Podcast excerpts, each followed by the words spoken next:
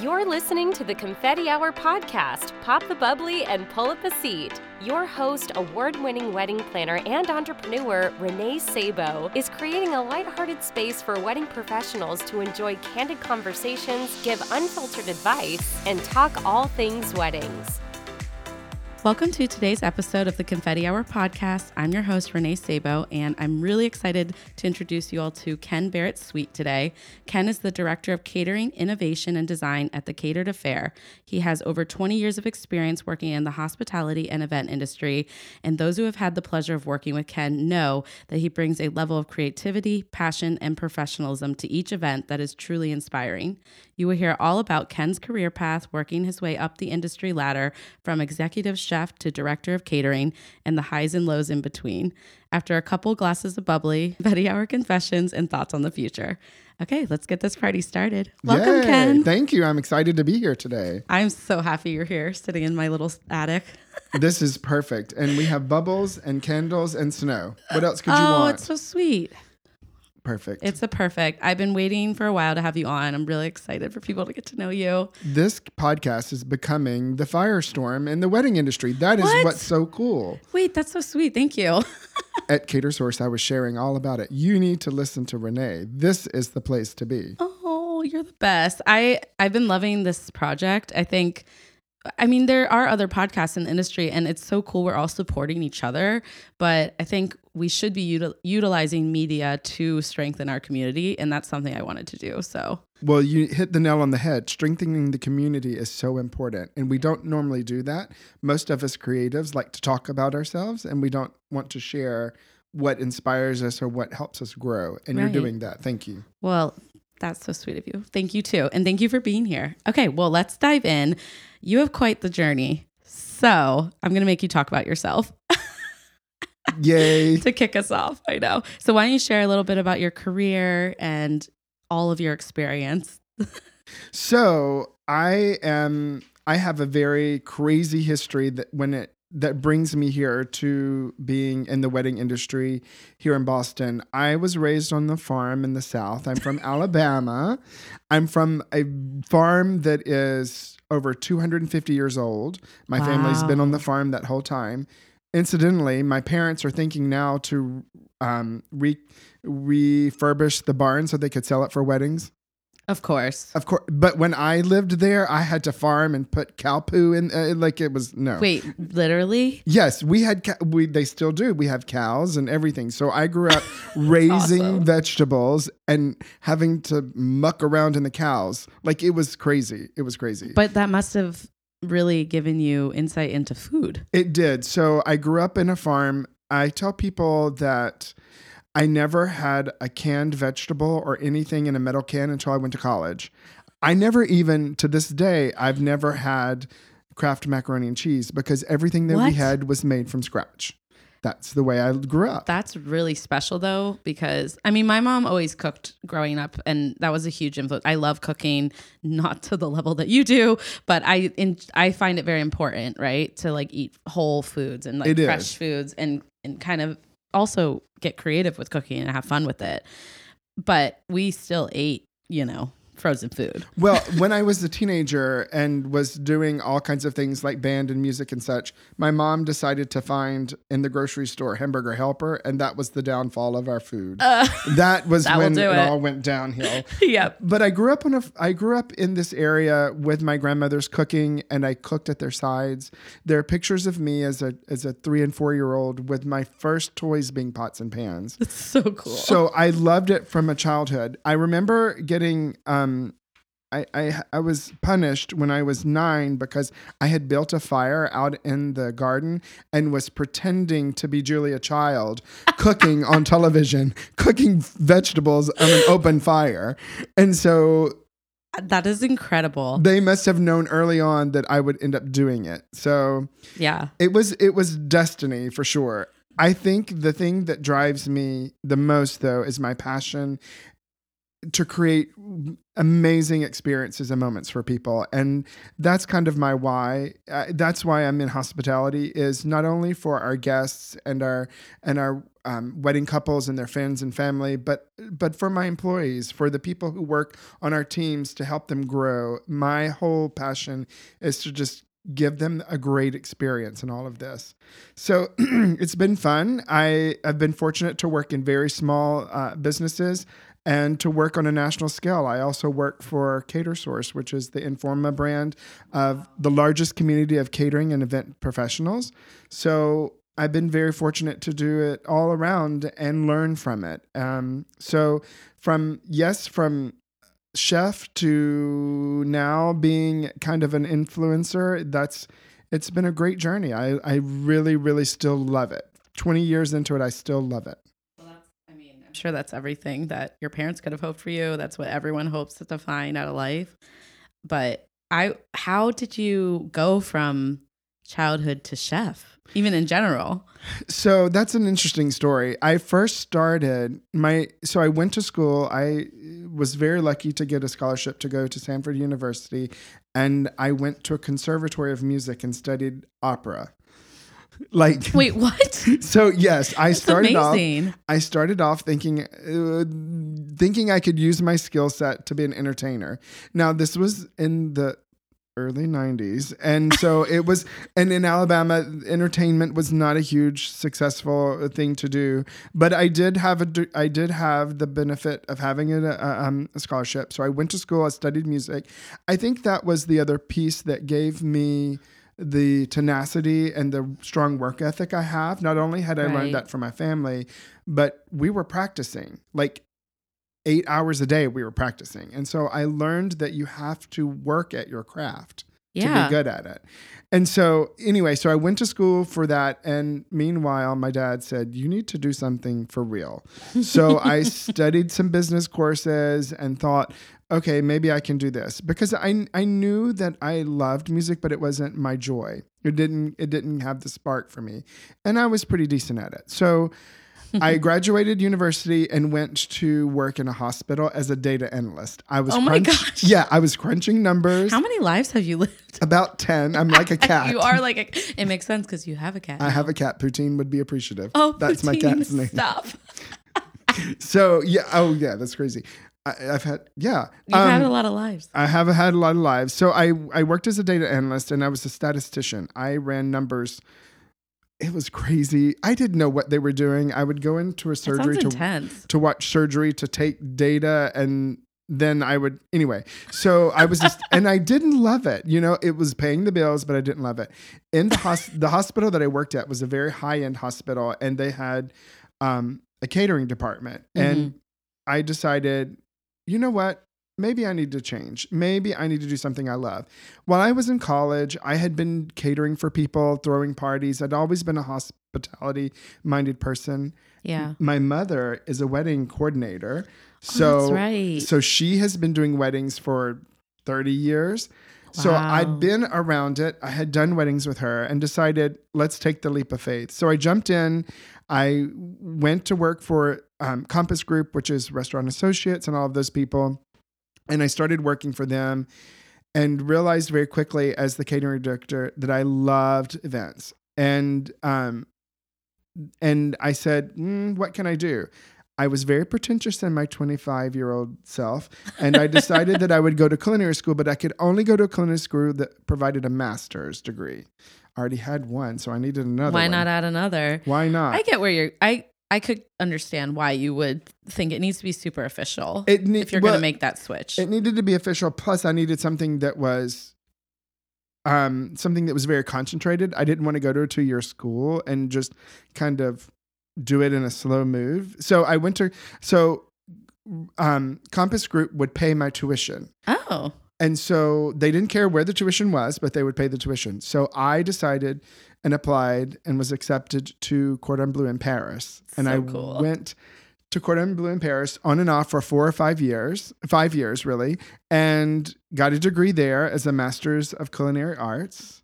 Wow. Um, was I, it just the most incredible experience? It was. I I tell people most that I was inspired a lot from the Ritz Carlton. The Ritz Paris was the first hotel I had ever worked in, and um, I didn't was- know that either. it was it was pretty inspiring to be in Place Vendôme and to be in that place that all of history had started. You know, all of history had come from, all the culinary history. But the first day I was there, they they handed me 500 pounds of fish and told me to butcher it. Oh my gosh. I think I cried.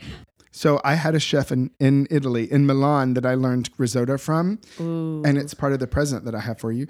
Um, I have You're so cute. I have so many things. Um, no, my- I'm like, what? my friend, her name was Madame Isabelle, and she was 85 years old. She taught us how to cook risotto, and she would beat us with the wooden spoon if we weren't Holy stirring crap. the right way.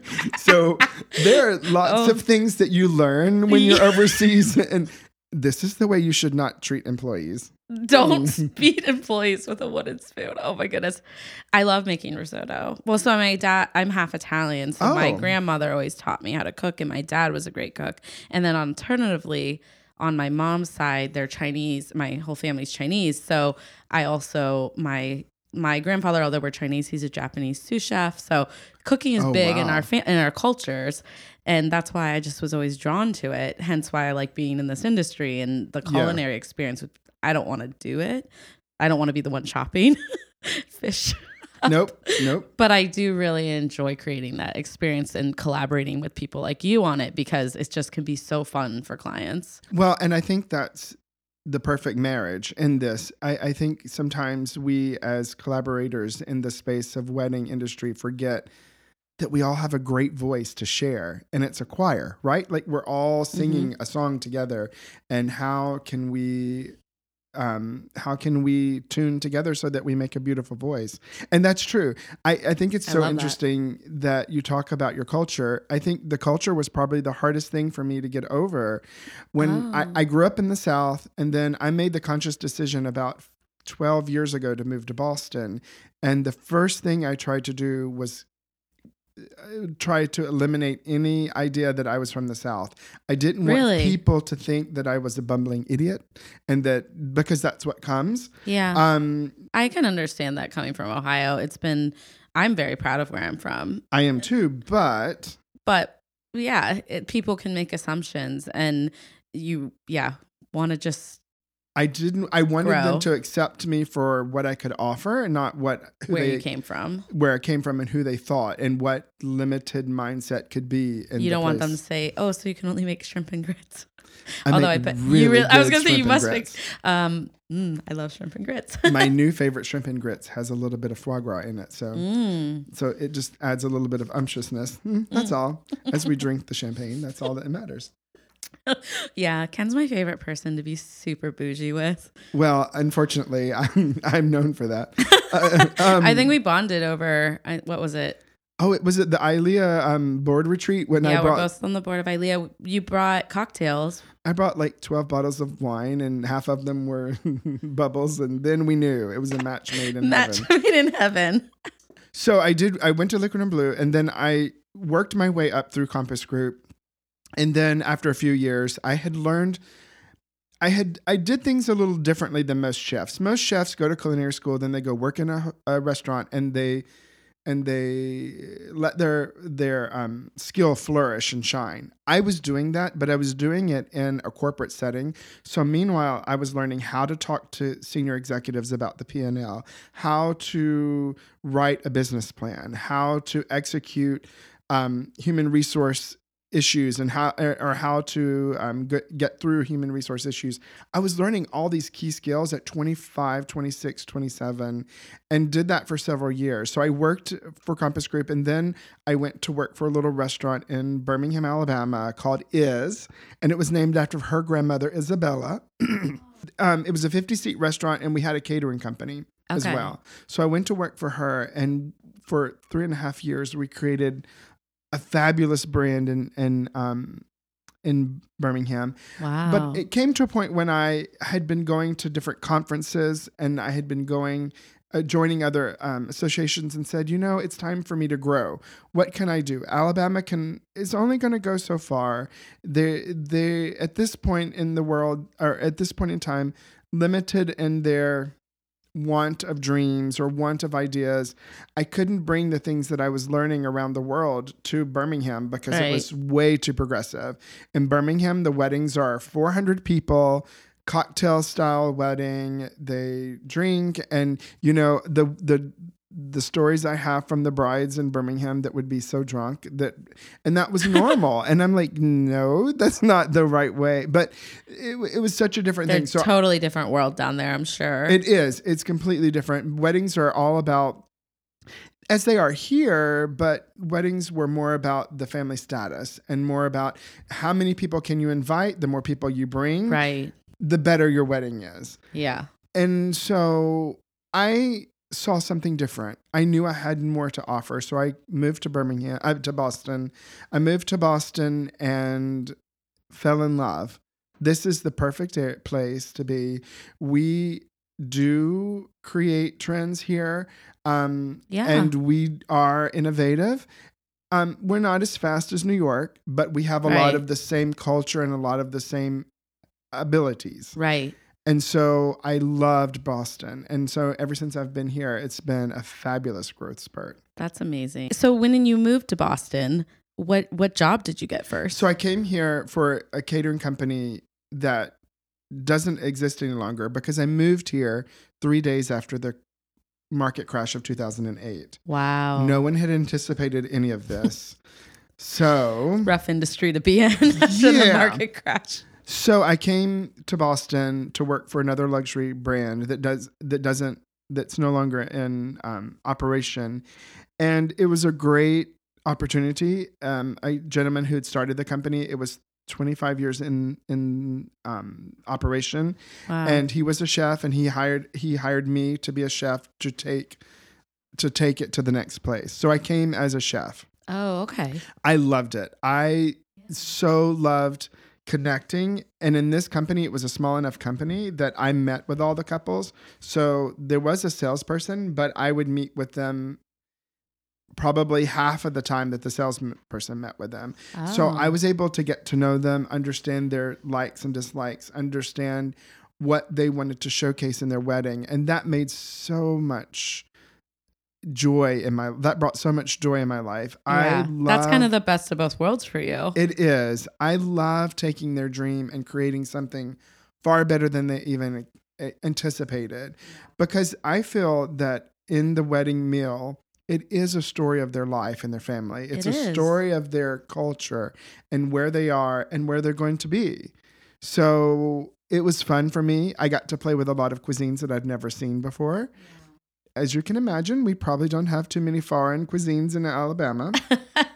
So I remember meeting with my first Korean couple and um, affirmatively talking to them as if I knew what they were saying. right. And then Fake it till you make it. Fake it till you make it. And then I promptly went to four Korean restaurants, ate all the food, had moments afterwards because I had not eaten anything so hot. Oh my gosh. I had not.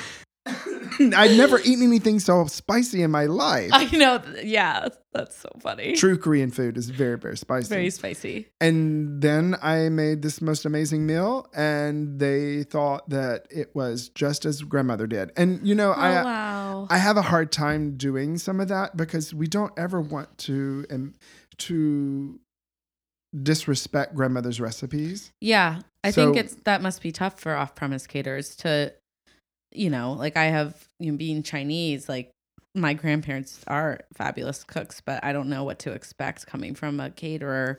True. And even though we have people that have a lot of experience and a lot of culture, we have many different cultures in our kitchen. Right now, we have about 40 some odd cooks in our kitchen. So, Wow. we, as you can imagine, is it's very, a variety of cultures there. We try not to specialize and Yeah. we try to tell them we encourage couples to explore their culture heritage through the hors d'oeuvre hour. Like That's through idea, because small bites are easier for us to take something from your heritage, create something creative and one innovative bite that will transport you back to your childhood So cool. without committing to a 10 inch plate filled with it and it not be exactly grandmother's when that's not recipe. sus- not necessarily ideal for wedding entrees either because exactly. you don't want to have a spicy Korean dish at a wedding unless it's a full, you know, wedding like that. But even then, like you don't want people getting sick or anything with no, the spice. you don't. You don't. You don't. So but it's, I love that finding hints and ways you can. I I always tell my clients with you know different really interesting cultural, um, especially with food, that like why don't we do fusion? Like Yeah. because I think there's a reason they're not, you know, catering their own wedding. Like you True. want it to feel elevated and elegant, and you can still involve your culture in it. But how do we also make it your wedding? It has. I I I have told couples forever that it has to be your voice. I tell people, I've coached our sales team to say, this is an extension of a party that you would host in your home. Mm-hmm. If you're having this wedding, people need to be comfortable as if they were having it in your home. It is more formal and it is more, there's a lot of more grandiosity about it. But the idea is people should be, feel comfortable. So you can't go so far beyond something you've never done before. right. So when I planned my own wedding, I could it had to be over the top because OTT is the only way I function. Obviously, Where did you guys get married? we got married at 90FS. Oh, really? I Yes. love the, Jay. There's the best. Shout Jay, out. J- yes, shout, out, to, you. Jay. She's wonderful. We love Jay, and they were an amazing partner with us. We, um, I fell in love with the space the first time I saw it. Yeah, it's super sleek and modern, and Well, it, there's no other space like it in Boston to have a, a beautiful park on the top of a building. it's like crazy. So it was, you know, one of the things that it was one of the hardest moments that I had to learn in life was how to let go at my own wedding. Yeah, yeah.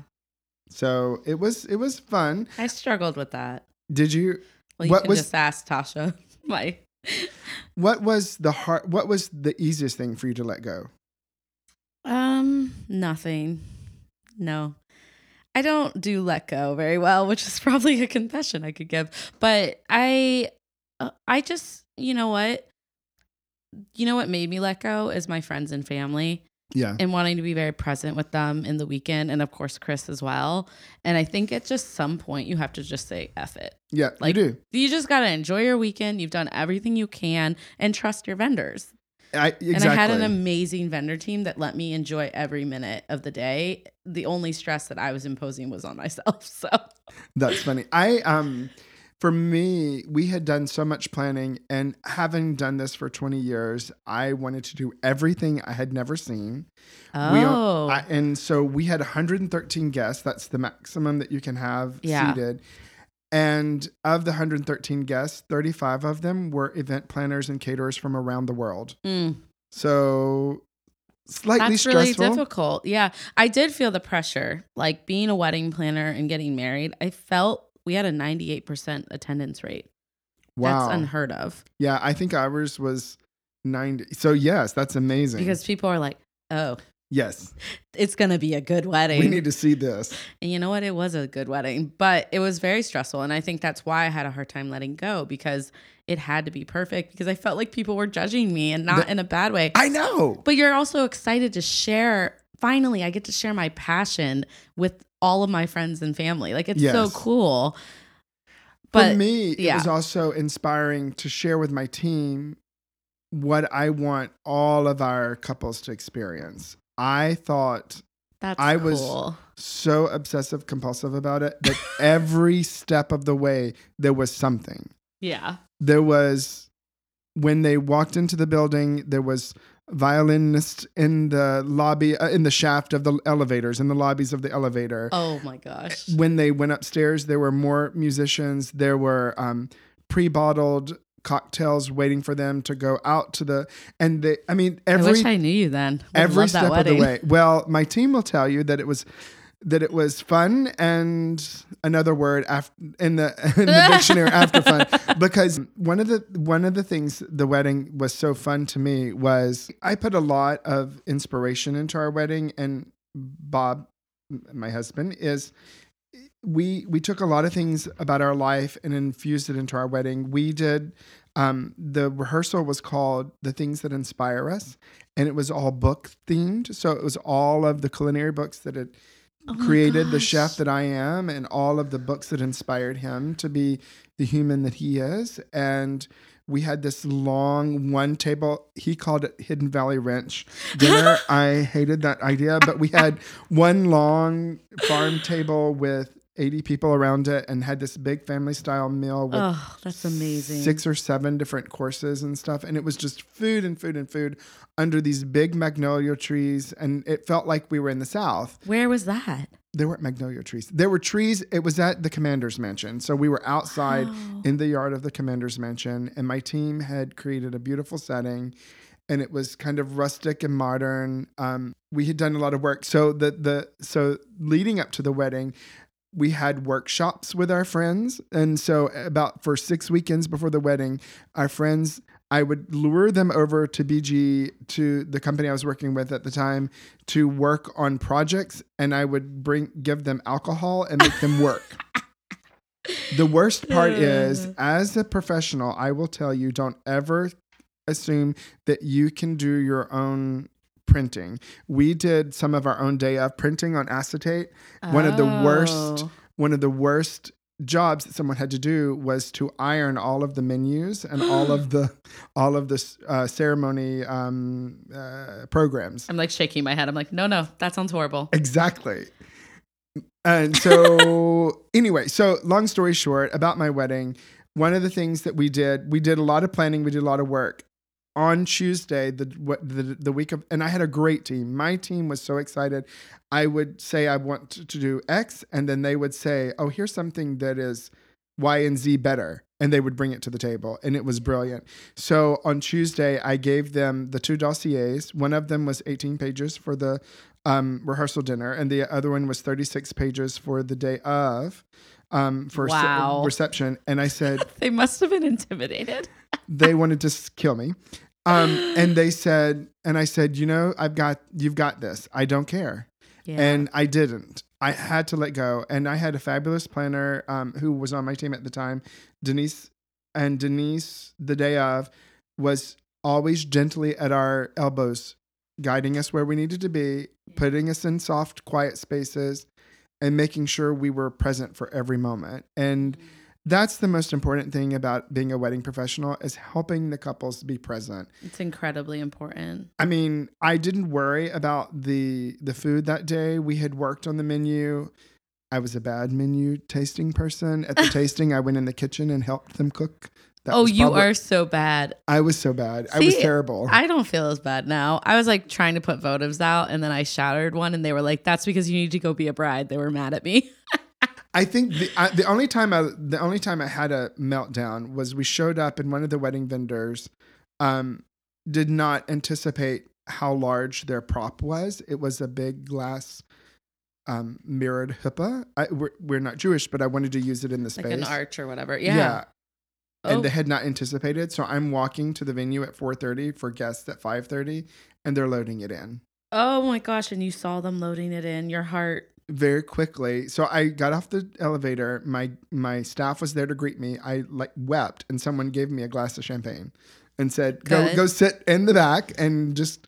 It's and all they- going to be okay. And they took care of it, and no one knew. No one knew. And you had your huppah. and we had we, arch. we had the, we had the the structure but i i learned to let go at that time and that was probably a very transformative moment in my career a, a- a Mhm. secondary transformative moment in my career because i was so worried about the food and i had been so i curated the menu so exactly and little things happened as they always do as we're yeah. saying Yeah.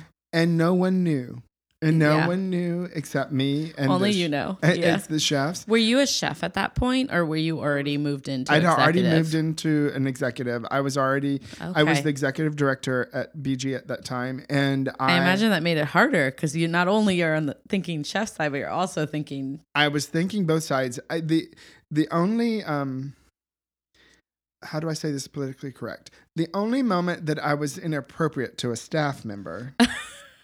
I was going to say another word, but I didn't want you to bleep it out. Oh Um, yeah, it's not an explicit podcast. the only moment that I was inappropriate to someone is th- one of the courses was coming.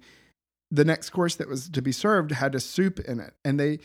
So this is the first time that our company had ever done sweep, not sweep service, um, king's tables and served the whole table at once. So there were 50 people on one a table, lot, 60 yeah. people on one table, and 60 people on the other. So 30 staff come in, lay the plates down, then they go to the next table. Um, they were s- pre. There were five courses at my wedding dinner, five courses. wow. We they set they placed the silverware before each course, and they had forgotten the soup spoon. And so I called the young lady who was one of the event managers. We had four event managers for my 120 wedding count. They were on it. And I called her over and I said, You're doing such a lovely job, but I'm not sure how one should eat soup with the utensils at my place setting. Oh gosh. She scurried away. Two seconds later, boom, all- 30 servers brought out spoons. spoons, and it was perfect. No one knew. they No thought that knew. was part of the They thought it was supposed to happen. Wow, that's really funny. That was the only time I lost it. And See? and then Denise came back to me and she kind of thumped me on the head and said, "I would have gotten that. Eventually. Let go." Oh, she came over and said, she said, "You but that's tough to. for you because you because you are hospitable i'm the same way i love hosting people oh my goodness well i have so many questions for you about Okay, your, your career okay first of all like why did you tran transition from executive chef to director to director you know what you're doing now. I mean i just find it so fascinating. So for me um i i loved being a chef but i was also i was a very interesting creative. I love being a chef and i love people. Not all chefs are front of house type people right. and can really and really care about what the person who's enjoying their food thinks i did i'm a libra so we care about what other people think i'm and so we happy li- you mentioned that and we like the balance. So for me, it was so important to let to have people understand the story. Um, when I was writing menus and when I was in the restaurant working on things, I wanted people to know why I did this. I Mm. did this because my grandmother taught me this, because the person who helped, who was my babysitter, taught me this. Whatever the story was, I wanted them to know that.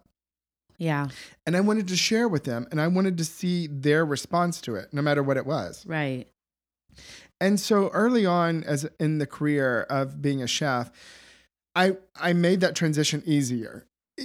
So many people don't. I mean, to this day, the biggest battle in a catering company is front of house versus back of house. Yeah, it's Who's a right? struggle. I've worked, well, I was social catering manager and catering sales manager, and it can feel like separate worlds sometimes. Like the struggle of like my clients asking me for this very out of the box situation, but my executive chef is really focused. I mean, there's so many factors that go into your decisions Mhm. in that role too.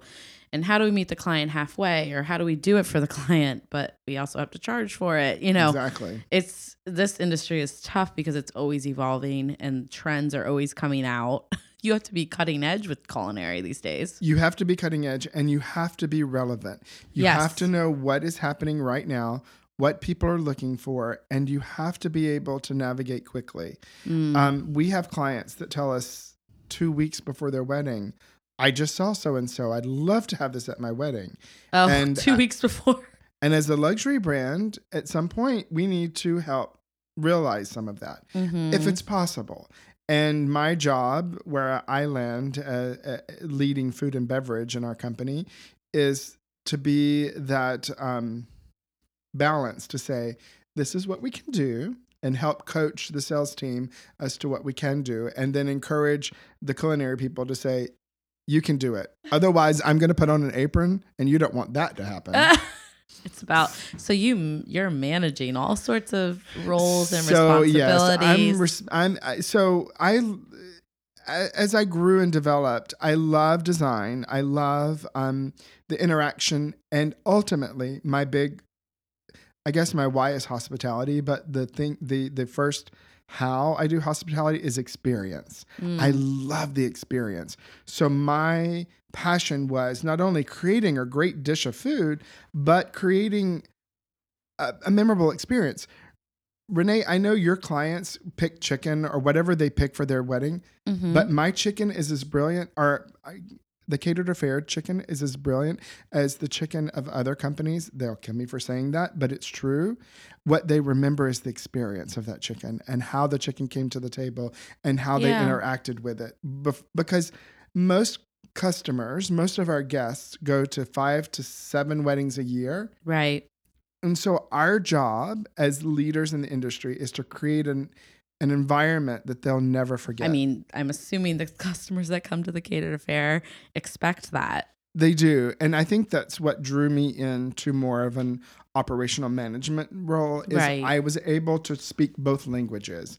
So now so I can important. I yeah, so now I can talk to the chefs and say I, I can coach them in a way to execute what the expectation is, and then I can also coach to the to the um, sales team and the production team on how to manage an expectation. I think that's our hardest thing is to manage the expectation. Oh, it's the hardest part of my job.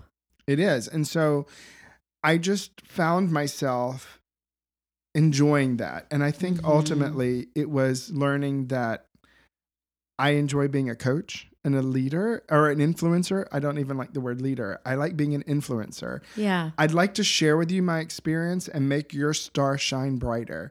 I want you to be brilliant. I, I- love that. I do. I, you know, and that's truly something that changed in me about six or seven years ago. I had a mentor. His name was Mike Roman, and he was the um, creator of CaterSource and the magazine. And he was the one who said, if you want to truly be a subject matter expert, and if you truly want to lead the industry, it can't be about you. Right. You're That's not very interesting. you're not the best. There are so many people around you that are far more brilliant than you. So bring it in. So I think if you if you were to ask me what ultimately is my now my job now as director of catering at the catered affair is I'm a conductor. I'm the conductor of the orchestra. I know how to play a flute. I kind of know how to play a violin, but I'm not the best. So Mm. my job is to cue you and to let you be brilliant and let your solos shine over the orchestra and then cue the next person.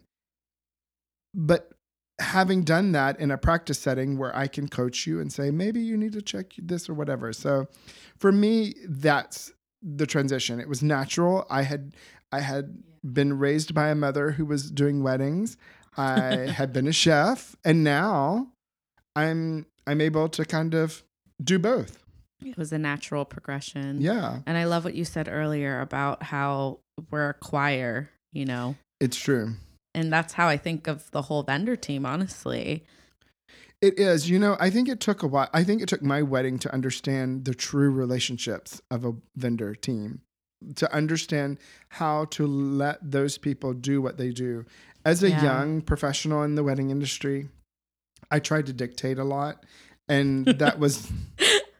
We It's all so- do it. Well, it's because A, we're passionate. I don't think we're Mhm. trying to dictate because we're trying to be better than anyone. No. It's because we're so excited to share this knowledge and expertise that we have. Um, like I told you, I think the other day, I was like, my girls tell me I need to let go all the time. Yeah. They're like, Renee, we've worked for you for three and a half years at this point. Like, we know what we're doing. We've got this. and you do have to check yourself as a leader and just say, you know what, that's that's why they're here. This is why they're getting paid to do what they do.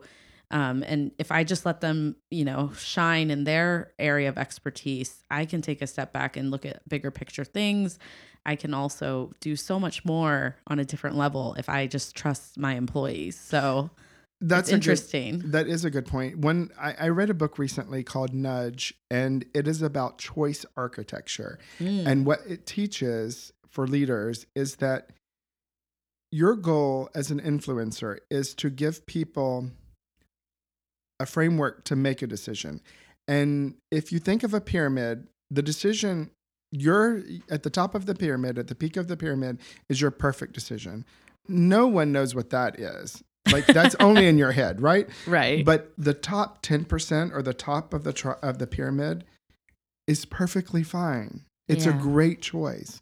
So you try to get people, you try to encourage people to make the decisions and to to make um, to influence change that's just in that top five or seven percent, right? That's the most important thing. Instead of trying to make your exact decision or make your exact choice and do the thing exactly the way you say, you get them to make just a better choice. Right. The way Nudge speaks to it is that children in a line in the cafeteria could either choose pizza or french fries if that's the first thing they see, or they can choose green beans or salad if that's the first thing they see, and then the pizza's at the end. Help them make the better choice. And I love that. that's been my new kind of philosophy in working with my team is to try they don't need to make the choice that I would make. They just need to make a great choice for the customer. Yeah. No, it's so true. I, I like what you said earlier too, uh, before we jumped on to the mic. Pre Prosecco. Pre prosecco. Mm, I know. time for more. I know. Act, I think it is. Refill. Yay! Yay. Um, well, you said something about how like if I'm giving my 150%, what was what was that that you so I learned I, I was I learned from another um, mentor of mine that I always we as creatives and us as event professionals usually give you know 150% of our of ourselves to our project because that's who we are, right? right. But other people's 95% is perfect Yeah. other people's 100% is even brilliant. They may not be our 150%, but it's brilliant for the client. So you have to know that what Sally did to create this beautiful buffet, even though the fork is not exactly where I'd like it to be, or even though the signage is not as perfect as I would want it to be, is great. Yeah, and you can't expect someone I mean, yes, hold them to a level of standards, guide them as a leader, Yes. but also let them figure it out because I think they may push themselves too more than, you know, for instance, I had the way I set up my table place settings and I know I'm a little crazy, but every single napkin has to be, you know, vertical and everything needs to be straight because heaven forbid the photographer comes over and takes a photo and it looks like crap on that one place setting. Like it's just not acceptable. These people are paying so much money for all of us to oversee this and every single detail on the table needs to be parallel or asymmetric or however it was supposed to be. It needs to be what they paid for and It what they envision. And that's how you create this like in, you know inspiring event for them because they're like oh my gosh everything is perfect. And my girls sometimes i'm a little crazy about it. Like that bow is a different size than the bow on the left and i make them retie it. But after a couple events they came to me and they said you know renee i get it. Like i get it now. Well, that's part of being a luxury brand. I mean, very true. one of the things that we provide, one of the services that we provide is our um, it's dead. we gotta Oops. open a second bottle I think we have a good bottle. It's in a Um, leaking bag though. ken is the sweetest and brought me over my other well my real favorite I'm- Oh, I love La Marca Prosecco. it's fantastic. They should sponsor us. I'm trying so hard. I have my media kit. I'm ready. Come on, La Marca. But that's because I can't buy bottles of Vouv for every episode, which I know I've mentioned before. but Ken is so perfect because he came over with a bottle. And so we do we want to open it? Yes, it's time. Are it's we- time to be hospitable.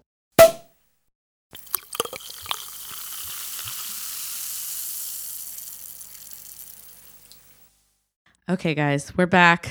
We have our glasses of Vouv. This is the bougiest episode I've done, and I'm so proud of it. I love that I'm a part of it. Are you kidding me? I just feel bougie sitting here with you, Oh, Miss Influencer of weddings. Oh goodness. That's so sweet of you. I don't know if I'm an influencer, but I'm a chatter, that's for sure. Isn't influence just giving out your, putting out into the universe what you think is? No, it is. I actually love that you keep saying that you're an influencer because that is your job. I, I think the term influencer is getting overused a little in the It sense is. of people think you're like a blogger on Instagram. Yeah, Not that an those Instagram girls aren't amazing.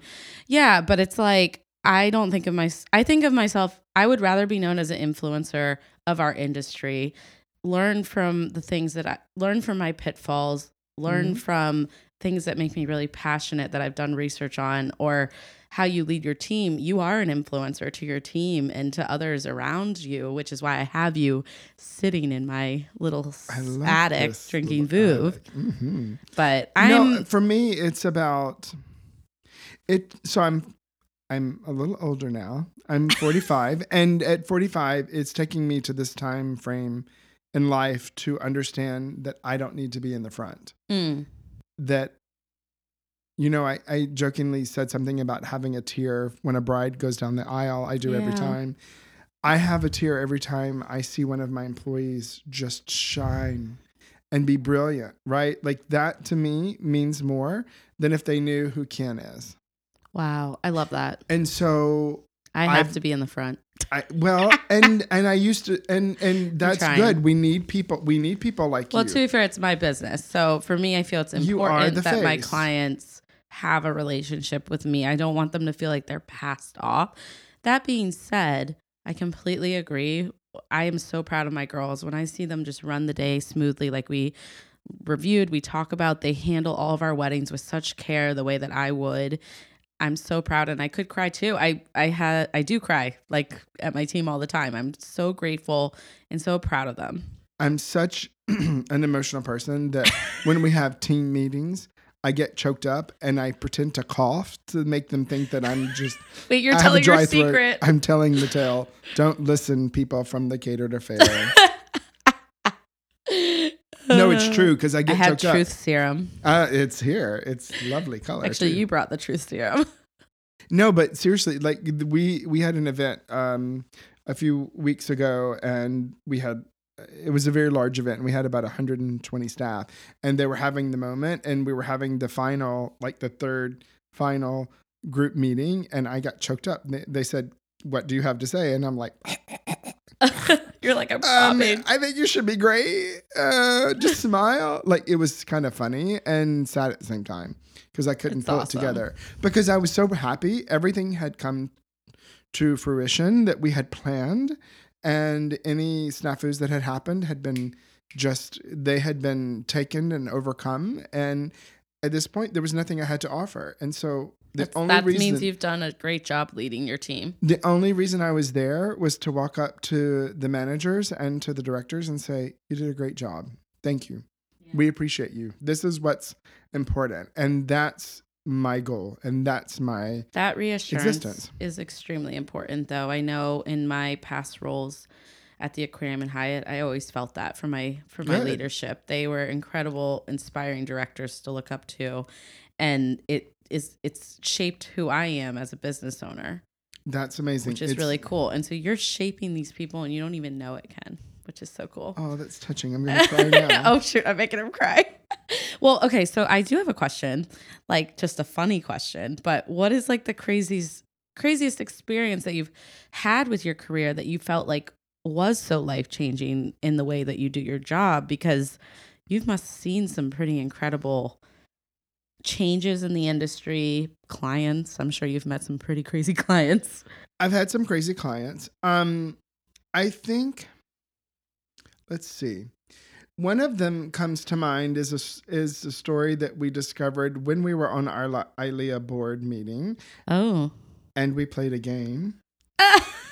We played this game called Never Have I Ever. Ken introduced this game to me, and I was saving it for this episode with him. It is an amazing game. Yes. I came up, uh, we discovered this game with a group um, of event professionals that I'm on a board with. Um, and we called it Never Have I Ever in the catering industry or in the event industry. in the event industry. Never have I ever events, So, which is just so great.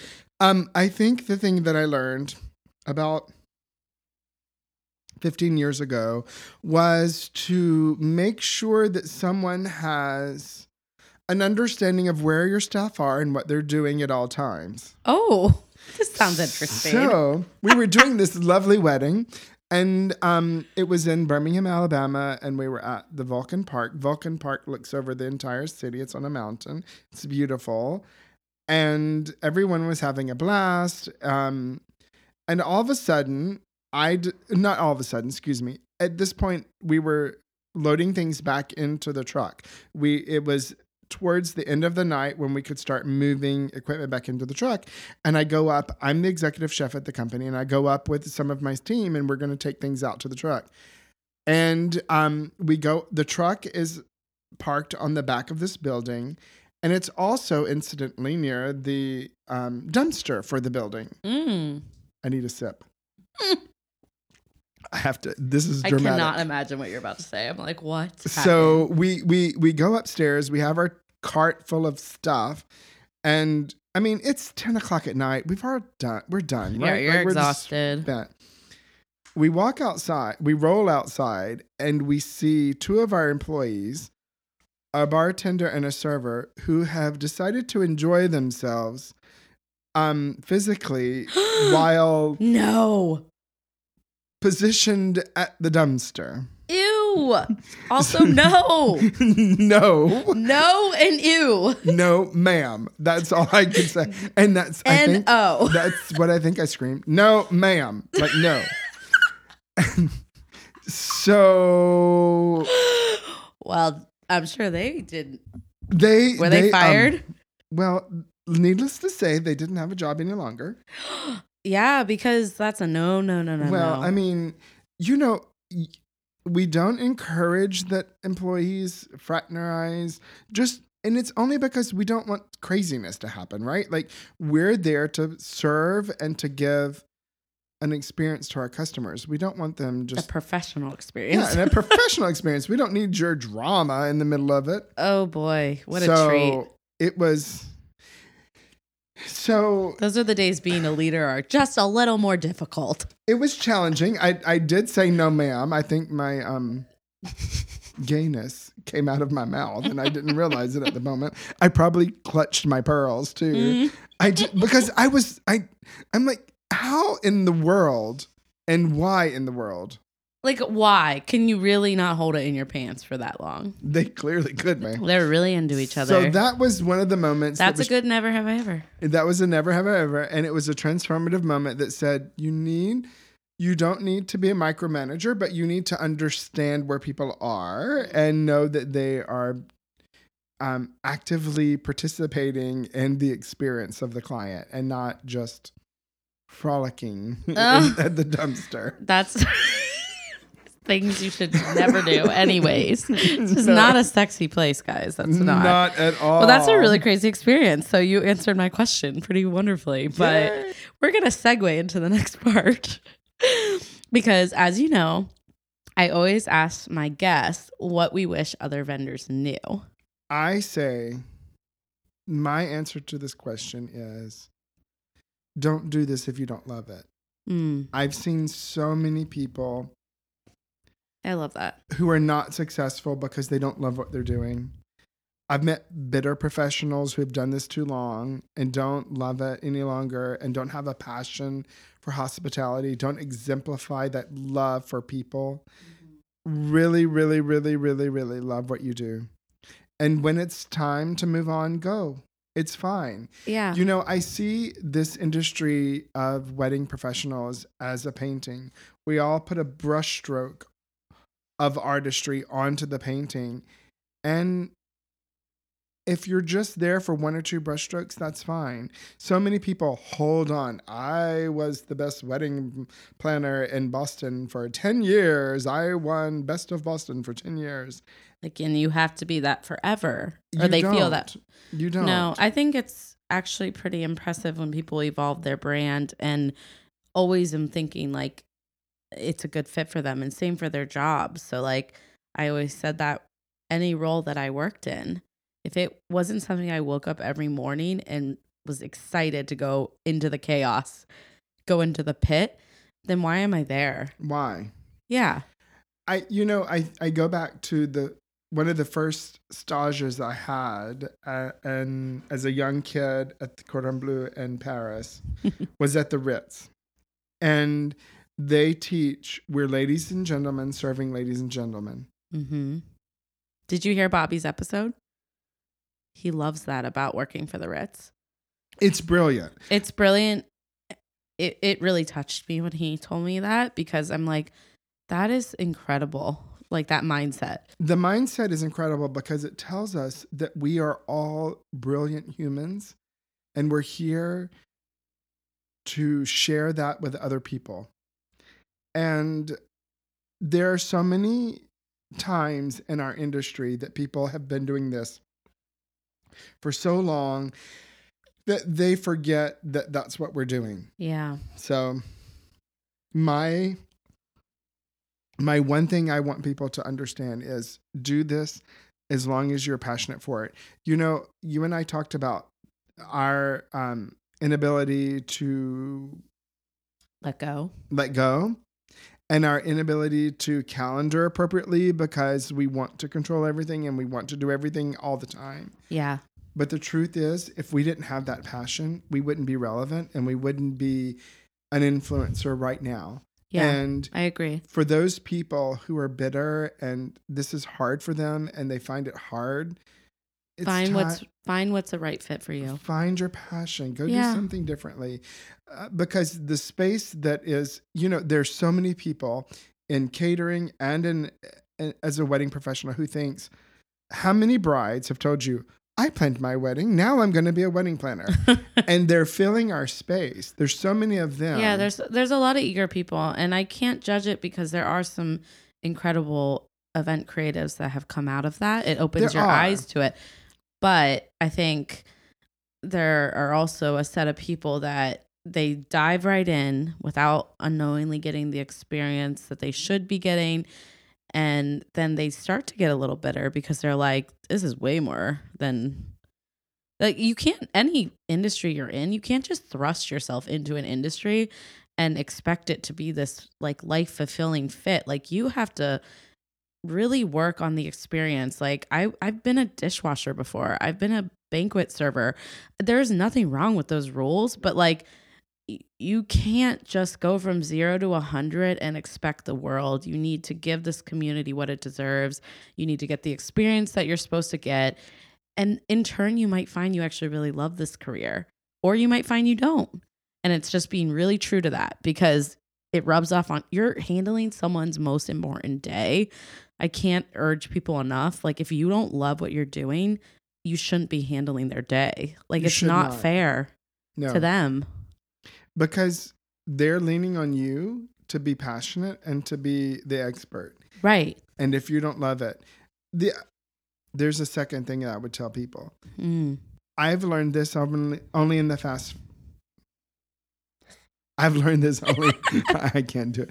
I've I've learned this only in the last few years that you should allow vendors to be brilliant in what they do. So if you hire a caterer, let them be a great food professional.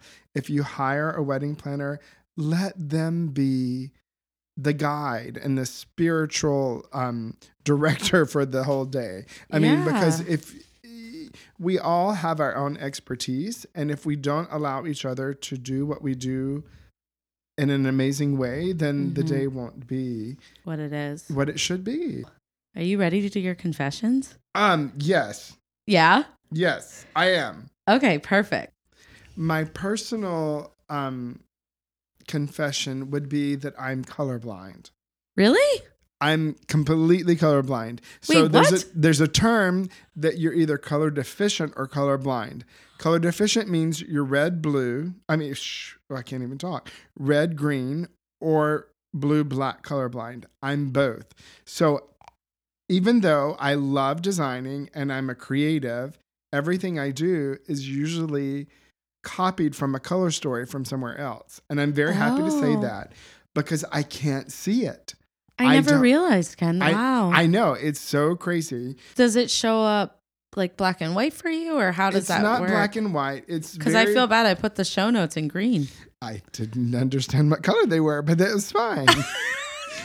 so for me, So sorry no, it's fine. For me, I, it's for me. It's they're they're different tones that I don't quite understand. Mhm. Um, and I can tell it's all now. It's all um, environmental.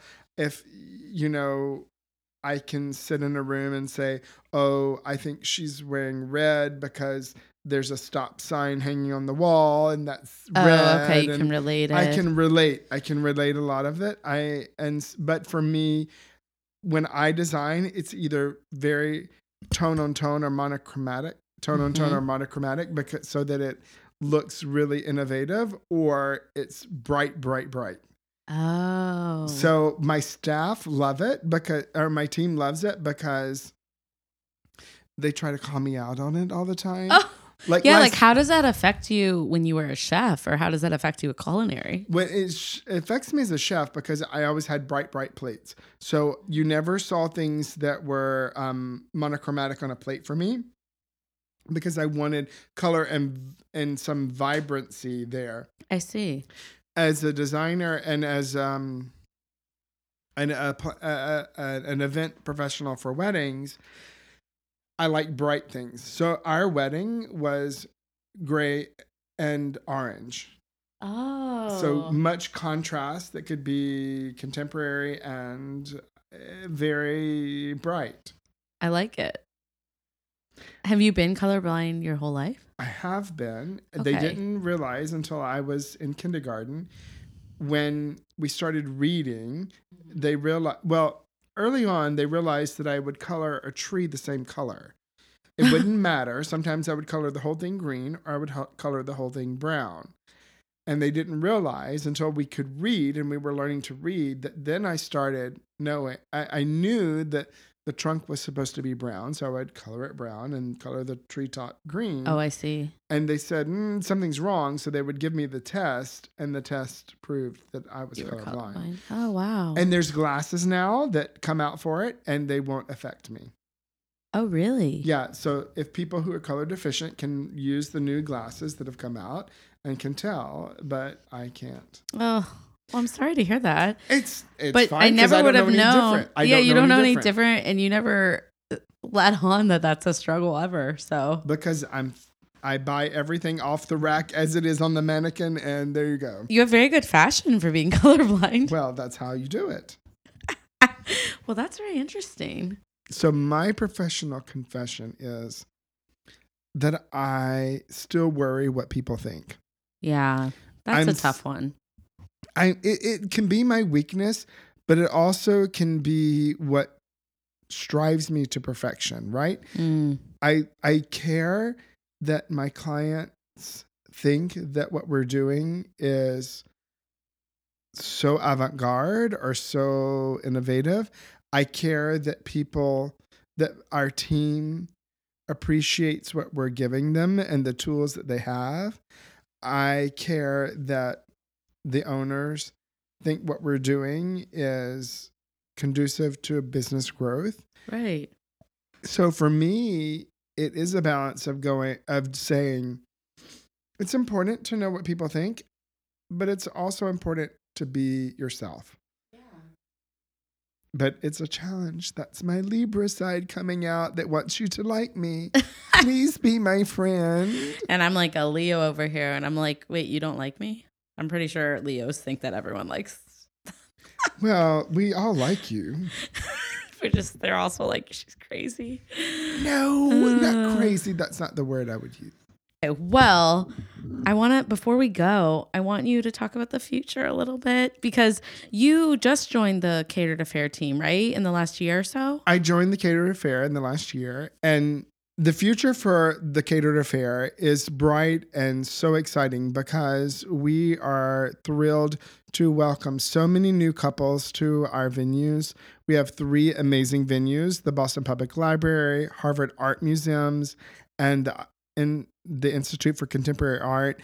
They are three distinct spaces that allow us to showcase a myriad of environments for our couples and we are Mm. excited about it but a new point has happened where the team from Catered Affair also is leading efforts at the Red Lion Inn now. Wow. So that's so exciting, right? Like we're in That's Cohasset. very different from the other venues. It which is cool. different from the other venues. We're in Cohasset. We are um, taking this venue that is has such history in all of Massachusetts, and we're create and we're developing a great new team that will just take what has always been known and develop it into the future, It's awesome. which is awesome.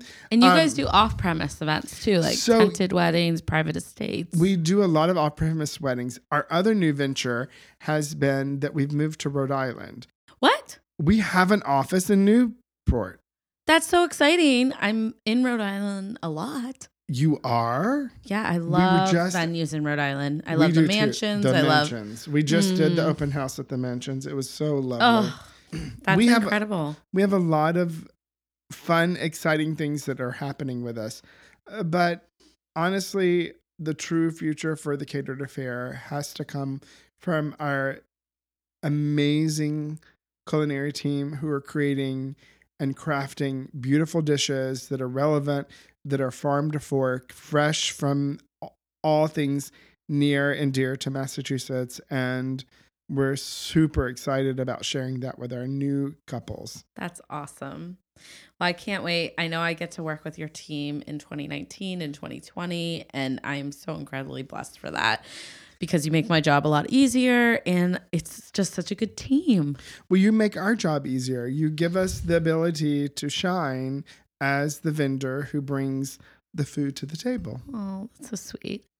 Oh my gosh. I can't thank you enough for coming on the podcast today. I mm-hmm. feel like we went through a ton of different topics, which is awesome. This has been brilliant. I love the fact that we can share the space of being creative and being leaders and being people who just really love weddings. I know. Okay, before we go, share with everyone where they can find you on social media as well as the Catered Affair so that everyone can follow all your goodness. So I'm Ken Barrett Sweet, and you can find me on Facebook and Instagram at Ken Barrett Sweet, B A R R E T T S W E E T.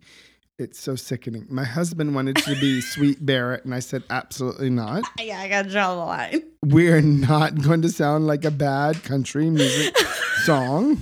It would fit in with your Alabama roots. Nope. Nope. nope We're not nope, doing nope, it. nope. And then you can find the Catered Affair on Instagram and Facebook, and then all of our iterations of our venues from the Boston Public Library to Harvard Art Museums and the Institute for Contemporary Art on Instagram and Facebook. So there's a lots of places to see us. Yes. We love hosting. We love sharing our experiences and our expertise with our clients and our guests. So come check us out.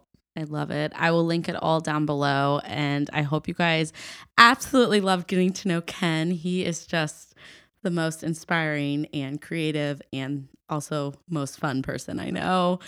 Okay, guys, so that wraps up this episode of the Confetti Hour podcast. Please leave a review for me because it's going to help our podcast grow. And I want to hear what you guys want to hear next. And I'm super excited to continue this journey and bringing you free content that is going to enrich your life, inspire you with other fellow professionals, and just be a movement for the community. So thank you for tuning in. And I look forward to talking to you next time. Ciao.